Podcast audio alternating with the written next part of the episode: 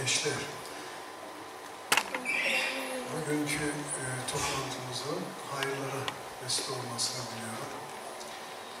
İlem ve onu oluşturan e, gücün, emeğin arkasındaki çevreyi, arkadaşları e, yakinen tanıyorum, seviyorum ve ötesinde takdir ediyorum. O yüzden İLEM'in, ilkenin e, ve diğer kurumların oluşturacağı her programı çok önemsiyorum. Sizlere de bu e, nedir, çalışma içerisinde bulunduğunuz için çok şanslı, çok ayrıcalıklı olduğunuzu ve aynı zamanda bundan ötürü de bir sorumluluk sahibi olmuş olduğunuzu da hatırlatmak isterim. Ee, yani 28 arkadaş kaçak bir şekilde bir üniversite bitirmiş durumda. Şu an anladığım kadarıyla 3 sene içerisinde kimsenin haberi olmadan e, bir e, farklı bir disiplinle e, biraz malumat edindim öğrendiğiniz, çalıştığınız konular hakkında. Bir imkan elde ettiniz. Bu sizin diğer arkadaşlarınızla, aynı üniversitede okuduğunuz arkadaşlarla ayrıcalıklı konumunuz, farkınız olacak.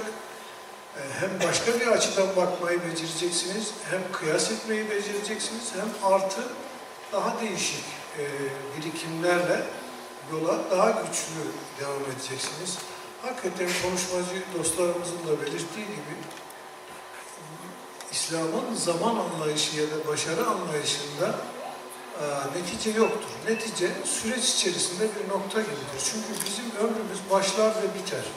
O başlangıçla son nokta bir nehire benzer. Yani bir nehir durmaz artık.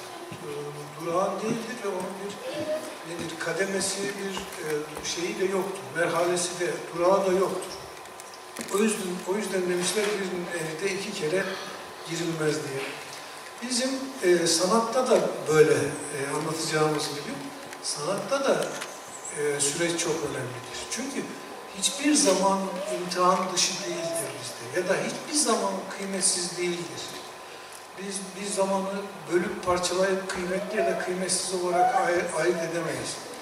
Biz o zamana ve mekana nasıl sirayet ediyoruz sorusu çok önemlidir. Bizim sirayet edişimiz o zamana bir tarih olarak kıymet kazandırıyor ve tarih ortaya çıkıyor.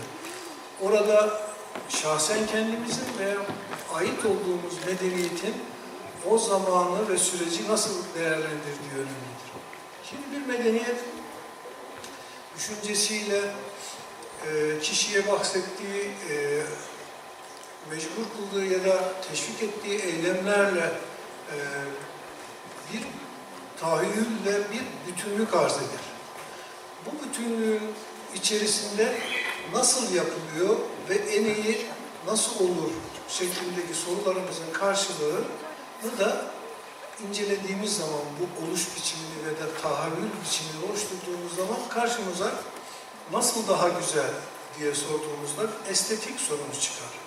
Maalesef bugün e, değişik konular konuşa, konuşabilirdik arkadaşlar bana geldiğinde mesela insan hakları da çok rahatlıkla konuşabilirdik ama bizim ihmal ettiğimiz, çok noksan kaldığı, kaldığına inandığım benim şahsen ve bir türlü de e, öne çıkaramadığımız bir konu var ki o da e, sanat konusu.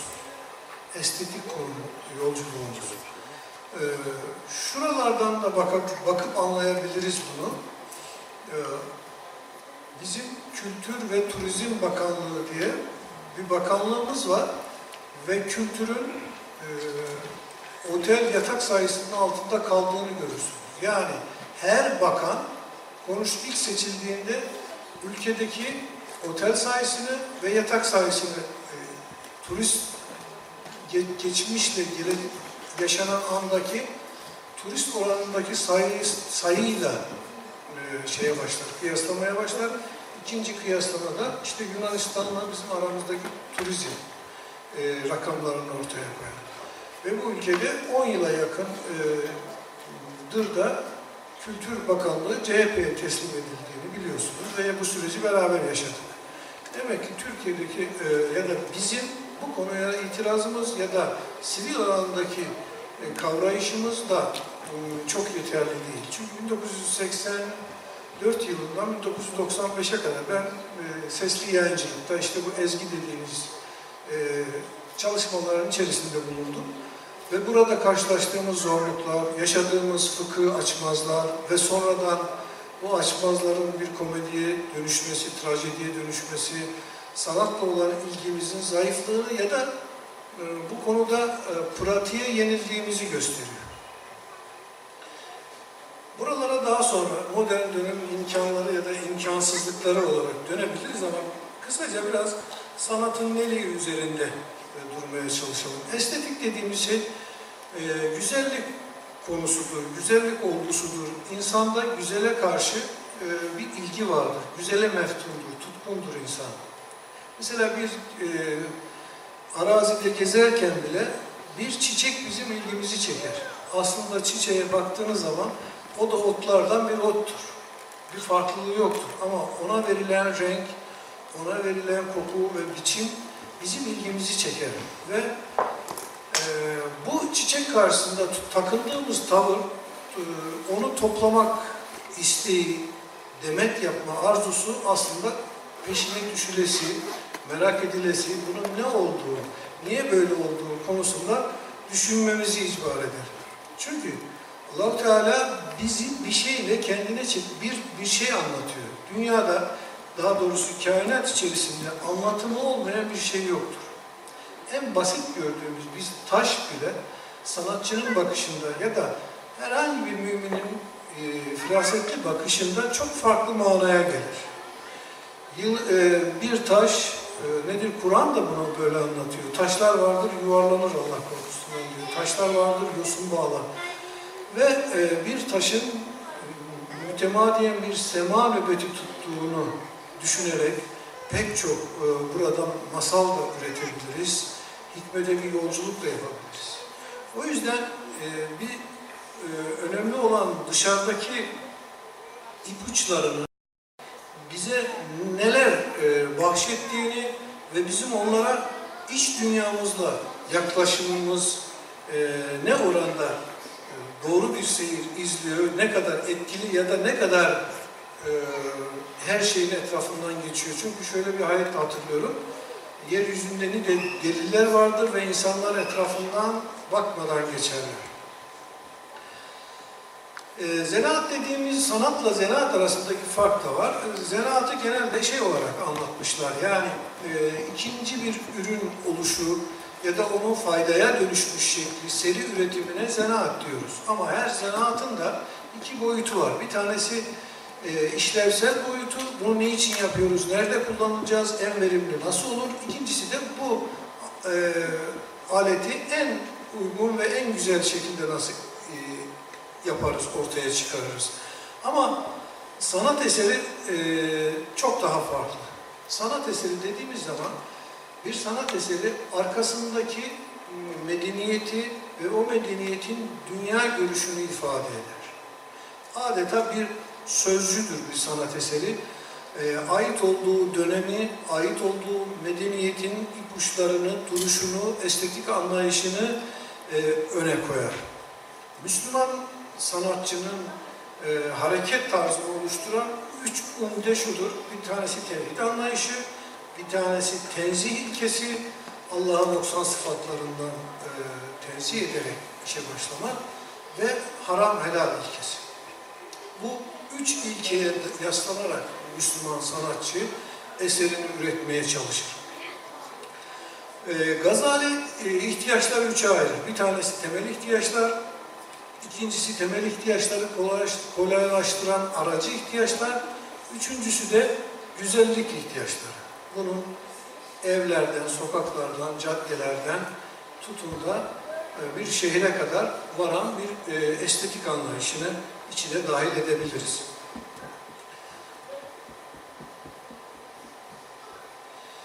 Bir e, eskiden 1970'li yıllarda meşhur kalıplar var. Sanat sanat için midir, sanat halk için midir? Bunun karşısında da rahmetli Necip Fazıl sanat Allah'ı aramaktır diyerek farklı bir boyut açmıştır. Sanat sanat içindir anlayışı kısmen doğrudur, kısmen de noksandır. Çünkü sanat e, halk ne istiyor, ben ne yapayım diye e, bir üretime durduğu zaman esnaflaşır ve e, karşılıklı nabza göre şerbet verir ve halka ya da muhataba bir şey ikram etmez. O anlamıyla e, sanat sanat içindir dendiğinde sanatın farklı bir boyutuna e, halka, muhataba, sanat daha farklı bir şey sunma ihtiyacı olduğunu hissederiz. E, diğerinde e, sanat halk içindir e, dediğimizde de işte e, evet muhatabımız halktır ama e, sanatın genel geçer e, kaidelerini de bu noktada ihmal etmemek lazım diye düşünmek lazım. O yüzden bu tanımların bugün için çok e, geçerli e, olduğunu düşünmüyorum ama hepsinin içerisinde bir doğruluk oranı var. Ve e, Müslüman sanat açısından baktığımızda sanatı iki şeye indirgediğimizde o cüceleşir. Bir tanesi fayda anlayışına, buna bu sanat eserinin e, ticaretle ilgisini kurarak fayda üzerine üretilmesi, ikincisi zevkle sınırlı kalması. Yani bir zevke taalluk ettiğinde sanatın yeterli görülmesi e, sıkıntılıdır İslam anlayışına göre. Bir defa Müslüman insan bir e, bu dünyada gözünü açıyor ve bulunduğu mekanı küçük yaştan itibaren e, anlamlandırmaya çalışıyor. Bu anlamlandırma olayında e, büyük bir sanat tablosunun içerisinde yaşadığını öncelikle keşfetmesi lazım. Yani kainat okunmayı bekleyen çok güçlü bir kitaptır. Okunup okunur, tekrar okunması gereken ve bitimsiz bir kitaptır. Çünkü Kur'an-ı Kerim okuduğumuzda Kur'an bizi, Allah bizi kainatı okumaya, bakmaya çağırıyor. Gökyüzüne bakmaz mısınız? Gökyüzüne bir daha bak. Dön bir daha bak. Dön bir daha bak. Mülk suresinde üç defa tekrar ediyor bunu ve gözümüzün yorgun olarak bir çatlak görebildin mi diyor. Ne sarsıcı şey. Yani biz bir portakal havada tutamazken Allahu Teala'nın direksiz öğütleri nasıl yarattığını bize soruyor. Ve orada bizim hayranlık ve yücelik duygularımızı kışkırtıyor. Teslim olmanın çok estetik, çok e, nedir? İnce bir yolunu bize gösteriyor. Gökyüzünde çatlak yok. Gözün yorgun halde insana dönmesi çok edebi, çok şiirsel bir vurgu. Ve e, biz böyle bir muhteşem bir dünyada, bir varlık aleminde dünyaya geliyoruz ve bu varlık aleminde baktığımızda bütün e, nereye bakarsak Allah'ın yaratmış olduğu dağa, çiçeğe, dikene, ağaca, meyveye, gökyüzüne, denize nereye gözünüzü çevirirseniz çevirin muhteşem bir denge, muhteşem bir ahenk, muhteşem bir renk, bir yeşil bahçede yeşilin 20 türünü daha fazlasını görebiliyorsunuz. Ve bütün bunlar bize bir şey anlatıyor. Bunların her biri mutlak güzeli, yoktan var edeni, benzersiz yaratanı, hakiki yaratıcıyı e, bize tanıtmaya, onun gücünü, onun e, estetik güzellik e, his e, sunumunu e, ve mevsimler yoluyla da devinimini günün doğup batışıyla pek çok şeyi e, anlattığına vakıf oluruz. Hele köyde köylülerin bu konudaki izlenimleri e, çok daha farklıdır. Mesela köylü, köylüyle bir işçiyi kıyas ettiğinizde işçi bir e, sterilize ortamda yaşar. Yani insan şu an bize insan emeğiyle oluşmuş bir mekandayız ve bu bize bir perde oluşturuyor, bir gaflet oluşturuyor. Ama e, eğer siz bir çiftçiyseniz ve gökyüzüne bakıp buğdaylar için yağmur bekliyorsanız sizin Allah'la kurmuş olduğunuz ilişki çok çok daha farklıdır. Mesela ben Bayburt'un bir köyünde dünyaya geldim. Babam gökyüzünde hiç bulut yokken bugün yağmur yağacak, haydin işte otları toplayalım derdi. Biz gülerdik bir taraftan ama akşama doğru yağmur yağardı. bu o insanın kainatla, tabiatla ve rüzgarın diliyle e, kurmuş olduğu ilişkinin bir eseriydi. İnsanda oluşması gereken bu hayranlık sadece sanatçıda değil, bütün müminlerde oluşması lazım. Bütün müminler e, bu estetik bakışı e, tefekkür etmeleri lazım. Tefekkür etmek Allah'ı yanına alarak, Allah'ın yaratılışına ve tevhid merkezli teslim oluşla birlikte hikmet yolculuğuna çıkmak demek. Ve insan sayısı kadar e, bir ağaca baksın bütün insanlar. E, o ağaca bakan bütün insanlara bir kompozisyon yazdıracak olsanız her biri çok kendine has iç dünyasında öznel duygularıyla yazdığı şeylerin e, çok farklı olacağını ama hiçbir müminin ortaya koyduğu şeyin de yanlış olmayacağını düşünürsünüz. İşte bu hikmet, e, güzellik, estetik e, duygusunun açığa çıkmasıdır. Biz bu anlamda çocuklarımızı bu şekilde de kışkırtarak, masal anlatmaya, nedir bir şeyi tanımlamaya e, çağırmamız lazım.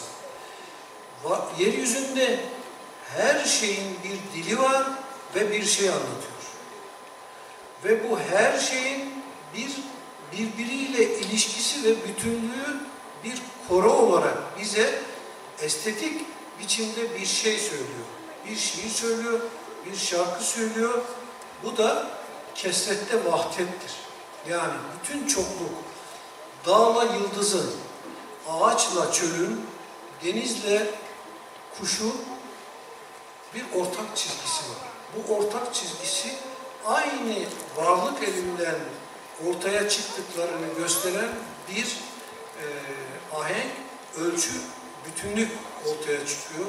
Bunu yakaladığımızda biz bir an bile yalnız olmadığımızı hissederiz ve Rabbin huzurunda ve o, o canlılıkta kendimizi hissetmeye başlarız. Yani yeryüzünde bulunan her şey kendi fıtratınca, kendi tabiatınca e, Allah'a şehadet ediyor ve estetik biçimde bunu sürdürüyor.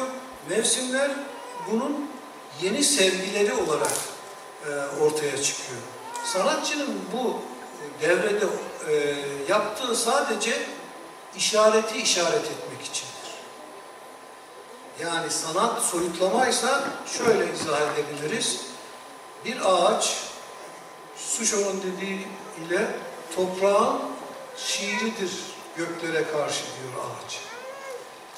Biz bir ağacın hem elma verdiğini hem e, bulunuşuyla gökleri gösterdiğini, sonsuzluğa çağrı yaptığını anlarız.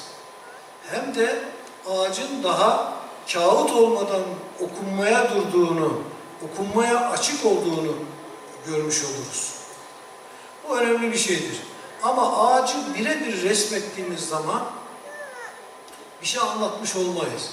Ne zaman ki ağacı köksüz, yapraklarını kırmızı yaptığımız zaman o zaman işte asıl ağacın hatırlanmasını sağlarız. Yani göz ışıktan kamaşır, ama ile aynı duruma gelir. Kamaşmış gözle görmeyen göz arasında bir fark göremeyiz. Biz Allah'ın işaretlerinin yanından çoğu zaman kamaşarak geçiyoruz ve görmekte e, noksanlı hale geliyoruz. Ama bir sanatçının tablosunda ağacın kırmızı yapraklarının işte nedir? Eflatun bir gövdesinin bulunmasını gördüğümüz zaman biz ağacın orijinalini, Allah'ın yaratmış olduğu o ağacı hatırlamış oluyoruz. İşte bu aslında Müslüman sanatçının e, misyonunu ortaya koyuyor. Sana Müslüman sanatçının misyonu işareti unutturmamaktır. İşareti işaret etmektir. Bunu renkle yaparsınız, sesle yaparsınız, taşla yaparsınız. Yerdeki bir taş taştır ama o taşı yonttuğunuz zaman, o taşı belli bir geometriye getirip minareye koyduğunuz zaman o artık e, semayı işaret eden taş olmaktan çıkmış farklı bir unsur haline gelmiş olur. Bu itibarla tabiatta küçük bir şey olmadığı gibi e, basit bir şey de yoktur. Yani bir saman çöpünün arkasında kocaman bir öykü vardır. Onun ta tarlada çiftçi eliyle tarlaya atılışı, onun bulutlara göz dikişi, onun sulanarak e, çakart dediğimiz yeşil hale gelmesi, sonra boy vermesi, gövde tutması, başaklara dolması, biçilmesi, o biçilirken, gerçi eskiden de o biçilirken orakla, tırpanla bir sürü türkülere muhatap olması, sonra harmana konması, harmanda rüzgar bekleyip eskiyi anlatıyorum ben. Milattan önce 70'ler. Ee, rüzgarla atarak havaya e, buğdayla samanın ayrılması, ondan sonra işte o samanın uçuşarak bizim önümüze düşmesi. Bunun arkasında öyle basit bir hikaye, kocaman bir öyküyü anlatıyor bize. Bir basit gördüğümüz, kolay gördüğümüz bir saman çöpü. O yüzden e, e, boş bakmaktan Müslümanlar kurtulması lazım. Sanatçının üretime e, duyduğu gayret, işareti işaret etme çabası aslında öldükten sonra da yaşama çabası. Tıpkı hayır kavramı, hayır yaparak nedir? Kendinden sonra akan çeşmeler, işte hanlar, kervansaraylar kuran insanlar gibi sanatçı da işareti işaret eden eserler bırakmak için çaba sarf eder. Aslında insanın e, yaratma dediğimiz şey mecaz olarak bir eser koymadan o bahsedersek yaratma insanda mecazdır. Yani türetme diyebileceğimiz şeydir. Oluşturma, birleştirme, yenileme olayıdır. Çünkü yoktan var etmiyor sanatçı. Mecaz olarak kullanıyoruz bunu. Ve insanın yarattığında şaheser diye bir şey yoktur. Yani şaheser şöyle vardır. Eserler içerisinde diğer eserlere nispeten önemli bir eser vardır. Necip Fazıl'ın şiiri şaheser bir şiirdir ama işte diğer şiirlerin arasından şaheser. Ama Allah katında hiçbir insanın, hiçbir eserinin noksansız değildir. Yani biz haşa bir dağa yanlış diyemeyiz. Ama şehirde bir mimariyle yapılan eve noksanlı bulabiliriz, yanlış olduğunu söyleyebiliriz. Mimari eğer Müslüman mimarın elinden ortaya çıkıyorsa saygıyı, hürmeti, yaratılmışlığa olan ım, hassasiyetini göz ardı etmeden şehri kurmak, evi kurmak durumundadır. O dağın, e- evi kuracağı dağın konumu, eteklerinin konumu, rüzgar alışı, güneşin doğuşu, batışı o evin kuruluşunda önemlidir. İşte Müslüman mimar bununla birlikte birçok o evde yaşayacak insanların ibadetlerini kolaylaştıracak, nedir yaşantılarını işlevsel olarak olumlu şartlarda taşıyacak unsurları da göz ederek, göz önünde bulundurarak inşaatını, yapısını kurmak zorundadır. Ve e, biz dünyada e, bulunuşu, bulunuşumuz çok enteresandır. Ruhumuz bir an önce geldiği yüce yere dönmek istiyor. E, fakat vücudumuzun biyolojik tarafımızda dünya lezzetlerinden fazlaca istifade etmek istiyor. Yani ruhumuzla e, bedenimizin, biyolojimizin kıbleleri ayrı. Bu tam bir trajedi durumudur.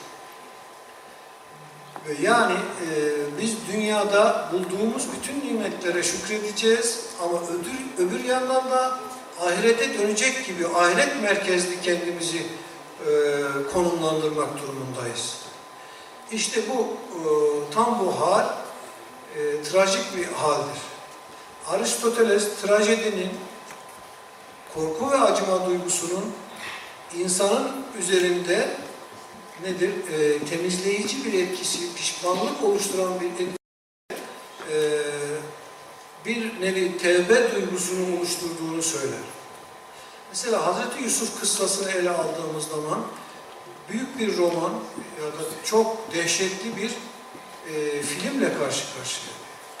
Yani kuyularda bir insanın sonra köle olarak pazarlara sürülüşü, sonra bir e, nedir vezir oluşu e, ve güce kavuşması, sonra zindana düşmesi, bütün bunlar sevinçler, kederler, üzüntüler, iftiralar, bunlar e, hayatın her döneminde yaşayabileceğimiz ve yaşaması e, durum şeyleri, olguları önümüze getiriyor ve bir film şeridiyle, bir trajediyle karşı karşıya geliyoruz. Trajediden ben şeyde kurtulduğumuzu düşünüyorum. Ancak Kabe'de kurtulduğumuzu e, en asgariye indirdiğimizi düşünüyorum. Çünkü Kabe bir e, Allah'ın evi bir tevhid merkezi. Siyah, çok belirgin ve e, nedir? Yorumu açık bırakmadan dört köşeli, keskin köşeli, ahiretle dünya arasında bir mekan ve insanlar e, ölü, ölüm provası yapmaya çıkmışlar kefenleriyle birlikte. Böyle bir safanın, böyle bir atmosferin trajediyi yendiğini ve e, ahireti öne koyarak e, ölümle diyaloğa geçtiği bir ortam olarak görüyoruz. O yüzden sana Müslüman sanatçının e,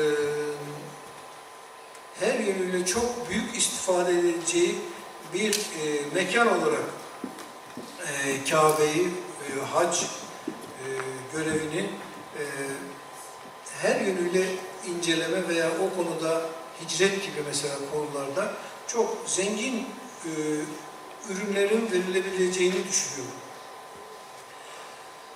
E, sanat dediğimiz şey güzel düşünmek, güzel eylem dediğimiz salih eylem ve bütün bunların e, yaşantıya, olgulara ve e, nesnelere yansıma biçimi olarak e, bunu ele alabiliriz. Yani burada sözün de başlı başına e, çok önemli olduğunu düşünüyorum. Söz, bir anekdotla anlatayım bunu.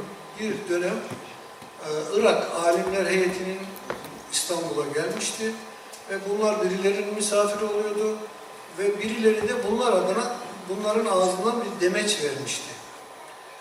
E, basında bu yankı bulunca e, yeniden bir basın toplantısı yapma durumu ortaya çıktı.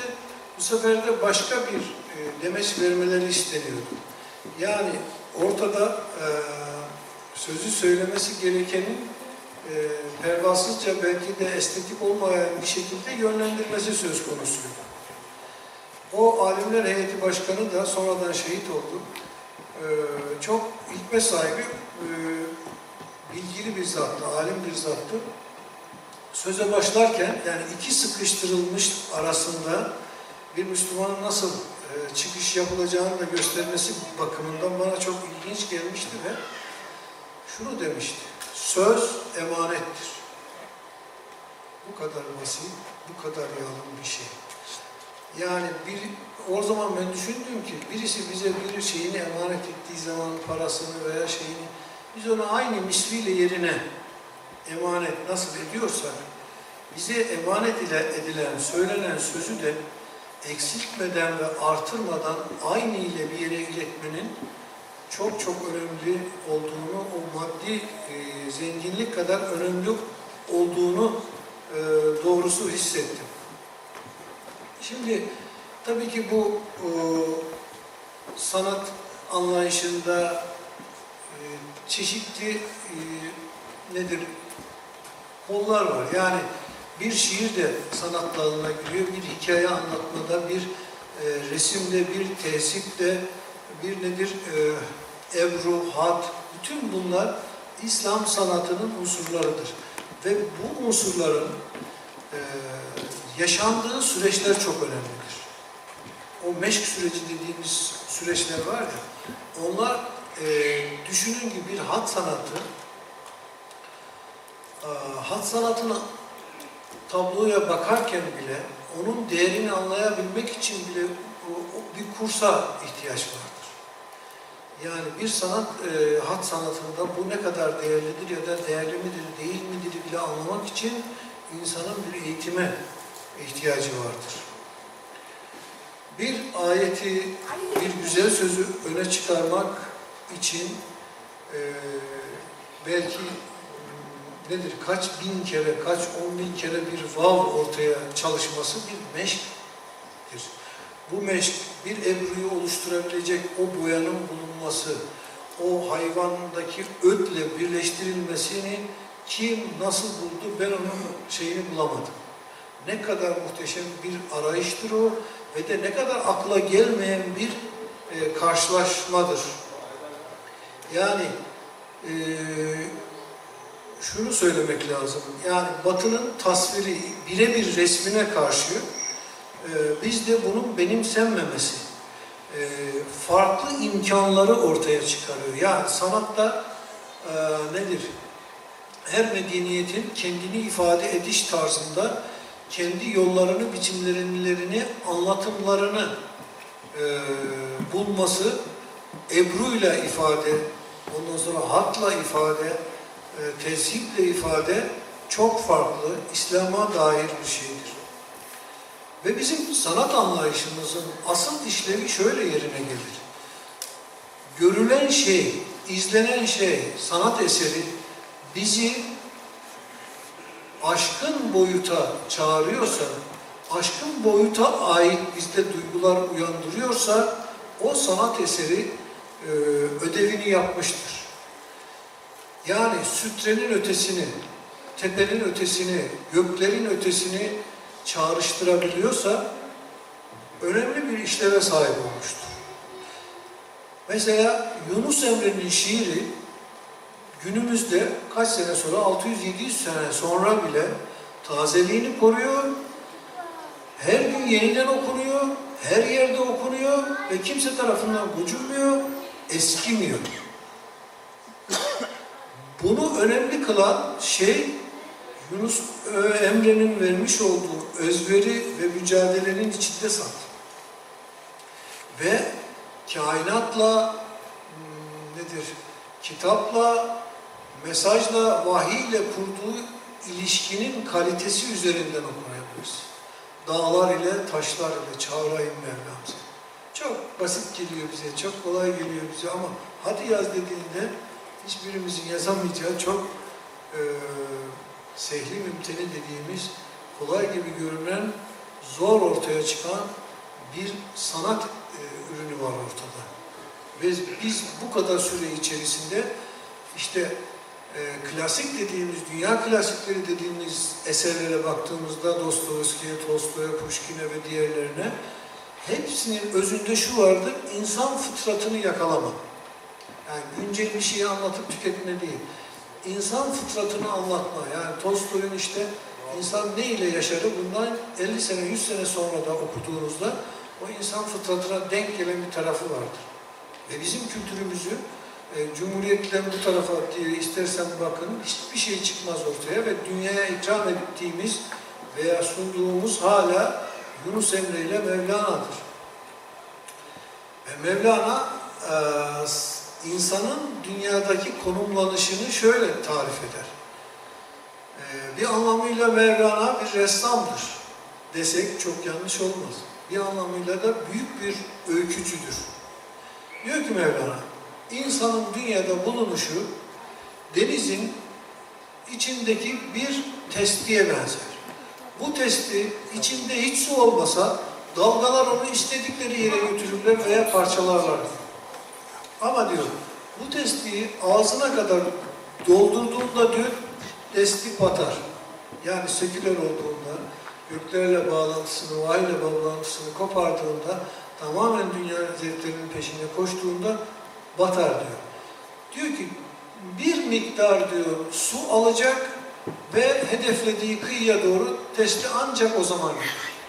Şimdi kafamızda belirli resimler çıkıyor değil mi? Bu resimleri bir ressam çizse ortaya koysa e, çok kolay bir şeydir. Yani resmi çünkü çizmiş o. Aynı zamanda insanın bulunuşunu da e, işte o suyu dünyaya be, benzeterek, dünyadan ne kadar içileceğini, ne kadar istifa edileceğini koyarak, karşı kıyıyı bir kurtuluş olarak koyarak, testiyi aynı zamanda bir toprak unsuru olarak insana benzetmesi, başka öykülerinde yine testinin içinden kırık, kırık olması, kırık olması da başka manaya geliyor ama oraya girmiyoruz. İçinden rüzgarın geçmesi, nefes alan insanı tarif etmesi açısından enteresandır. Ama diyelim ki bir de İslam sanatının e, belirgin özelliği doğru ile iç içe olmasıdır. Yani adaletten kopuk olmaması, ahlaktan kopuk olmaması, iyinin, iyi ile güzelin bitişik olmasında saklıdır. Mesela Grek sanatında işte güzel vücut tanrılık ifadesi olarak önemsenir ve vücut yarışmalarında veya e, tiyatronun oluşumunda e, vücut çok fazla kullanılır. Veya cinselliğin sanatın içerisinde çok yoğun kullanılışı, mesela İslam'da aile yapısının ya da cinselliğin bir nikah ölçüsü içerisinde kullanılmasına aykırı bir durum arz ettiği için meşruiyetini kaybeder. Ve de bu aynı zamanda İslam'ın öngördüğü aşkın boyuta insanı çağırtma ve dünyadan o anlık koparma bir sanat eseri insanı o anlık e, başka bir aleme taşıma e, nedir bir ürperti olmasa bile bir e, farklı bir hissediş bahşetmesi açısından çok anlamlı değildir. Hazlara endeksli, zevklere endeksli bir sanat anlayışı yoktur.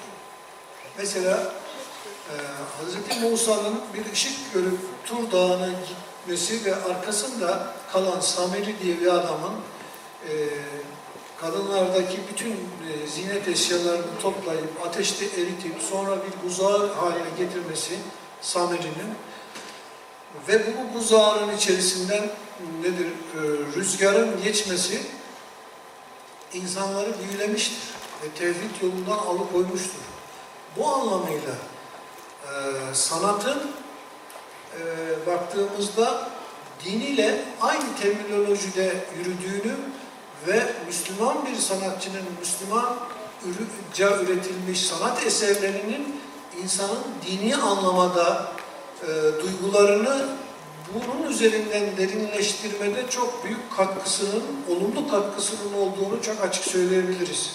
Samiri örneğinde ise işte insanları buradan yolundan döndürürken böyle bir güç kullandığına bakıyoruz. Yine cahiliye şiirinin Mesela Hazreti Peygamber'in şair oluşunun işte e, suçlamasının o dönemdeki belakatın, söz sanatının gelmiş olduğu aşamayı göstermesi açısındandır ve şairin niye şiir yazmıyorsunuz sorusuna artık Kur'an var demesi çok anlamlı şeylerdir. Ee, bu yüzden e, sanatın basit görülecek bir tarafı yok e, Nahl Suresi 125. ayetinde ne diyor? E, ayet diyor ki hikmetle ve güzel sözle çağır. Bizim bahsettiğim gibi adaletle, ahlakla bitişik estetik. Bizim hedefimiz bu olması lazım. Sözün kullanışında bile yumuşaklığın olması, Hazreti İbrahim'i tanımlarken Kur'an yumuşak bir insandır bahsediyor. Yumuşak bir insan tavizli anlamına gelmiyor. Putları kırıp işte e, mesuliyeti birine verip ironi yapacak, bir toplumu tek başına karşısına alacak, tek başına bir ümmet iltifatına mazhar olacak Hazreti İbrahim'in yumuşak söz kullanması aslında her Müslümanın e,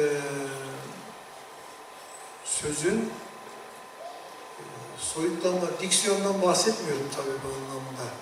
Şimdi kolej ağzıyla konuşmaktan, e, spiker gibi konuşmaktan, sunucular gibi abartıdan bahsetmiyorum.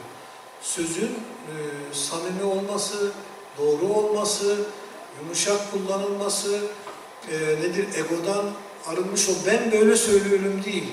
Böyle bir çeşme var. Beraber gitsek içsek oradan. Bir tebliğcinin tutumu ve konumlanışı böyle olması çok daha etkiye açık bir durumdur. Günümüzde e, modern dönemin getirdiği bir takım imkanlar ve imkansızlıklar var. Modern dönem e, her şeyi makinenin marifetine emanet ederken işte e, bizim pek çok şeyimizin de artık makine yoluyla, dijital yolla ortaya çıkmasını gerekli kılıyor ya da seri bir üretimi gerektiriyor. Şimdi ressamlara çocuk resimleri, hikayeleri çizdiriyorum.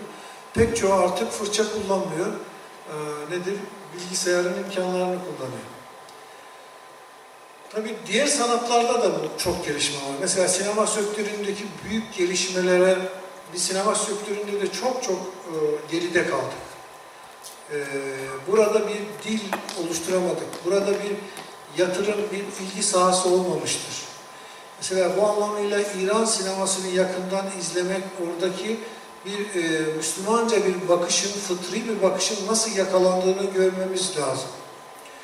İkincisi tiyatronun e, bizim kültürümüze elverişli bir konuma gelmesi lazım. Yani klasik tiyatronun bizim medeniyetimizin tasarımında çok kullanışlı olmadığını düşünüyorum.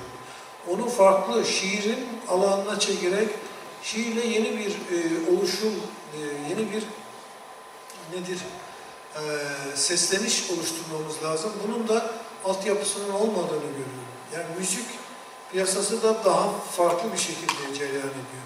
Bunların maalesef fıkıhı olmadığı için, bunların fıkıhıyla ilgilenen çok fazla insanımızın olmadığını e, görüyorum. Biz 1986'da, 84'te ilk Muğte Destanı'nı çıkardığımız zaman orada bir marş vardı ve Muğte Destanı marşı bağlamayla çalınıyordu.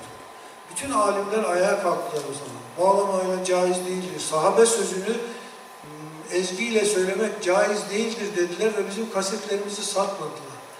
Bu camialar, bu cemaatler, bu hocaların daha sonra televizyonları oldu ve bunlarla kadın sanatçılar söyledi. Ben bunu yaşamış birisiyim. Ve biz orada kaldık yani. Getirdik gerçi de. Biz orada kaldık, onun ötesine geçmedik. Ee, bu nedir? Pratik geliyor, pratik dayatma sizi geçiyor. Fetvayı metvayı dinlemiyor. Ben yaptım oldu diyor. Ondan sonra fetva buna nedir? Ee, buna ses çıkaramaz hale geliyor. Bu doğru bir işleyiş değil. Asıl olan önce bu sanat anlayışı konusunda sanatçılarla birlikte nedir? Ee, ilim adamlarının oturup bunun e, şeyin oldu, kültürünü, altyapısını oluşturmaları lazım.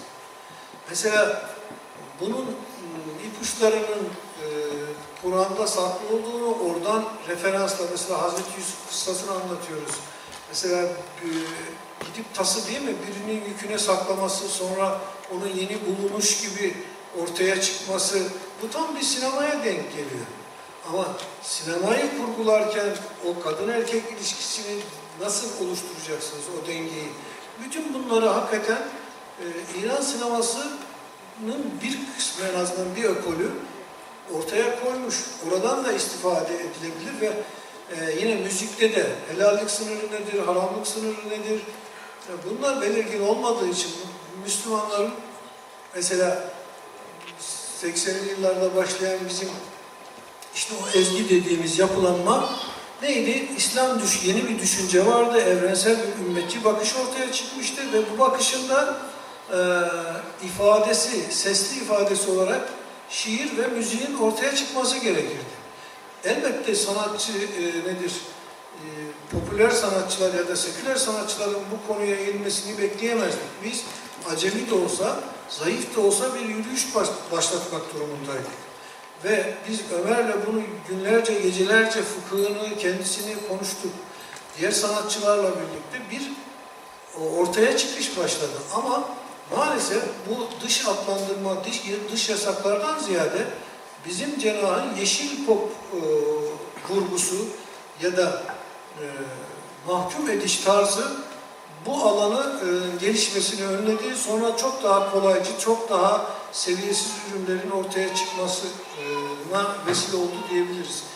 E, bu yolculuklar, bütün bunlar e, bizim için ya da bir alim için çok basit, çok e, kıymete e, değer, konuşulmaya değer konular olma, e, olmadığı söylenebilir. Öyle görülebilir. Zaten öyle de görülüyor. Bir e, sanatçı meczuba denk tutuluyor.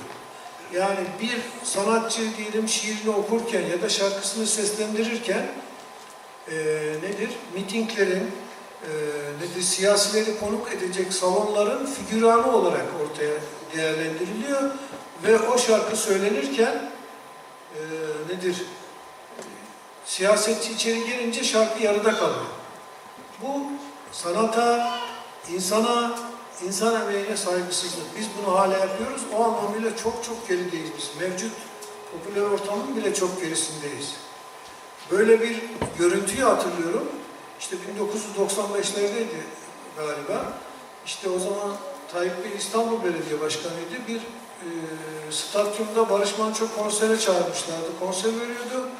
Ve belediye başkanı içi, e, girince herkesi selamlamaya durdu. Şarkı ortada kaldı. Adam mikrofonu attı ve çıkış yoluna yöneldi. Ondan sonra da belediye başkanı Tayyip Bey gitti yalvara yakara tekrar sahneye getirdi. Bundan da ibret almadık. Yani bu konuda da şey yapmadık. Ve işin enteresanı bakın e, akademi dünyasında ya da sanatçı dünyasında sanata dair, sanatın ne olduğuna dair, sanatın işlevine dair, sınırlarına dair ne kadar, nereye kadar konuşacağız, nasıl yapacağız bu işi diye e, farklı bir şey e, bulamazsınız. Bir tek Turan Koç, Profesör Turan Koç'un bu konuda çalışmaları var. Gördüğüm İSAV'ın yapmış olduğu bir sempozyum kitabı var sanatla ilgili. Ee, klasik yayınlarında ismini şu an unuttuğum bir eser var. Ee, bir de e, Diyanet'in çıkardığı din ve hayat dergilerinden bir tanesi sanat konusuna ayrılmış vaziyette. Yani demem o ki güzel söylemek, güzel düşünmek, güzel yapmak, olgulara e, ve eşyalara e, hissedişimizi, medeniyetimizin ifade biçimini, ifade tarzını aktarmak, bunun üzerine konuşmak hiç basit bir olay değildir. Mimarideki bu kadar gelişme ve değişme hiç sıradan olarak ortaya çıkmadı.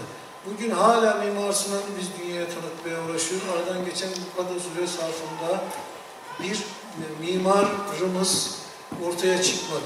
Bir mimari anlayışımız ortada yok.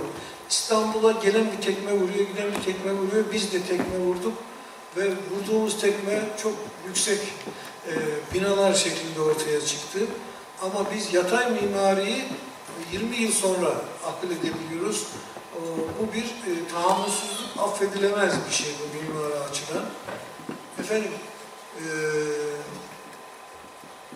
bir e, İslam e, sanatının yürüyüşü elbette çağlara göre, bölgelere göre farklılıklar arz eder ama e, öz olarak bir anlatıma durur. Yani Selçuklulardaki taç kapıların güzelliği, büyüklüğü, Osmanlı'daki mima, e, minarelerin inceliği ve o oranda etkililiği, bunlar hepsinin özünde e, bir çağrı vardır. Mesela Mecit Mecid'in filmiyle, Yunus Emre'nin şiiri, Hasan Acı'nın çizgisi, işte Muhammed Sıddık Minşevi'nin kıraatı, bunları daha artırabilirsiniz. Çok farklı dönemlerde, farklı sanat dallarında ve ayrı zamanlarda olmasına rağmen öz olarak bir şey söyler, bir duruş arz eder, bir yerleri gösterir. Yani aşkın alana insanı taşır. Sanatın gücünü anlatmak için şu örneği vermem lazım. Çok önemli bir şeydir. Naci El Ali'yi bilirsiniz. Naci El Ali Filistinli e, bir çizerdir. Yani Hasan Aycin gibi bir çizer. Ve bu e, Hanzala diye biliyorsunuz Filistinli bir tipi üretiyor. Bu çocuk dünyaya, Müslüman dünyaya, bütün dünyaya sırtını dönmüştür. Filistin'deki zulme, işgale baş e, nedir, görmezden gelen bütün dünyaya yüzünü dönmeye değmediğini söylemektedir ve bütün dünyayı aşağılamaktadır. Ve elinde bir taş vardır ve pantolonunda bir yama vardır. Ve bu çocuk Hanzala büyümemeye yemin etmiştir. Yani büyüyüp kirlememek için ve e, o taşı da yere bırakmamak için ve Filistin özgür oluncaya kadar yüzünü dönmemeye ahdetmiştir. Naci Elali Londra'da vurulur, şehit olur. Ama Hanzala yaşıyor. Ve Hanzala hiçbir Yahudi askerinin vurulamayacağı bir yerdedir. Ve Hanzala e, insanlar ölüyor, diriliyor, gidiyor, geliyor. O aynı yerde aynı nöbeti tutuyor. Filistin nöbetini tutuyor. ve insanlara, çocuklara, bigane kalanlara, yardım edenlere karşı hepsinin bir anlamda defterini tutuyor. Sanatın böyle bir işleri var. Şeye giderseniz Kırım'da bir tane eee neydi orası? Saray. Bahçesaray. Bahçesaray'da bir şey vardır. Nedir? Ağlayan çeşme vardır. Derler ki Giray Hanım işte hanımı vardı. Çok seviyordu hanımını. Hanımı vefat edince bir mimara demiş ki benim yerime benim yaşım kurudu. Benim yerime e, bir çeşme yap ve bu gözyaşı döksün. Hakikaten gittik gördük onu. Ee, Bir e, insan gözünü, kirpiğini e, anımsatan ve sürekli damlayan bir e, çeşme. Bu çeşmenin yapılmasının daha etkilisi Pushkin bu ağlayan çeşmeyi kendi kitaplarında yer verdi. Ve daha sonra e, biliyorsunuz e, İkinci Dünya Savaşı'ndan sonra siz Almanlara çok çabuk teslim oldunuz diye o, o bölgeler cezalandırılırken Pushkin'in kitabında yer aldığı için oraya dokunmadılar. Yani dünya edebiyatına, dünyaya mal olduğu için, dünya gelip onu ziyaret edecek ya da mimari değeri bir ülkenin, e, sanat eserleri bir ülkenin değeri olduğu için oraya dokunmadılar. Enteresan değil mi bu sanatın önemi açısından? Yine bir başka örnek, İran'a gittiğimde bir Azeri e, yazar arkadaşla tanışmıştım. O bana şöyle bir şey anlatmıştı. Sizin kurucu dedi, bizim buraya gelmiş, Cumhuriyet'in kurucu yıllarında. Bizim Dede Rıza Şah'la konuşuyormuş. Demiş ki ya sen böyle düzeltemezsin bu işleri. Sen de benim gibi e, harp devrimi yap, böyle düzelmez demiş. Adamın kafaya direkt şu düşmüş. Ya iyi yapayım da bu insanlar hafız okumazsalar, okuyamazsalar benim durumum ne olur. Biliyorsunuz onlar da Hafız-ı Şirazi'nin eserleri her namazdan sonra ben şahit oldum. Ee, açılıp bakılır, oradan bir beyit okunur. Yani hikmetli sözler e, oradan devşirilir ve her köylüsünün e, Yunus Emre gibi bizde mesela birçok şiirini bilir hafızın, değişini bilir. Sanatın e, önemini bu iki, üç cümle ve ile anlatmaya çalıştım ama e, yerine göre, durumuna göre, olgusuna göre, e, sanat e, malzemesine göre e, sanatın e, değeri ortaya çıkar. Bakışa göre, insanların ona verdiği öneme göre. Maalesef e, el cümle söyleyeceğimiz e, bu e, biz sanat açısından hiç çok iyi bir yerde değiliz. Yani yayıncılıkta diyelim işte İslam düşüncesinde e, olduğumuz yerlerin çok çok daha uzağındayız. Ve bugün buradan e, her şeyi unuttuk, aklımızda ne kalsın diyorsa gençler, güzel sözle, hikmetle çağırır. Bizim sanatımızın e, temelini bu oluşturur. Yani ahlaktan, güzellikten, iyilikten, adaletten kopuk olmayan bir estetik ifadenin tanımıdır bize göre sanat. Nahl suresi 125, Bakara 185, pek çok ayette e, bunların e, yansımasını ve karşılığını görebiliriz. Evet ben bu kadarla iktifa edeyim. Karşılıklı eklemek isteyen şey varsa biraz da sıkıcı oldu. Uzun uzun konuştuk. Ama popüler bir ortam olmadı en azından. Popüler ortamda ayakta gezmem lazımdı. İşte sizi dinletebilmek için çok farklı şeyler yapmam lazımdı. O yüzden e, söz neydi? Başta ne demiştik? Söz emanettir. O zaman sözlere çok önem vereceğiz.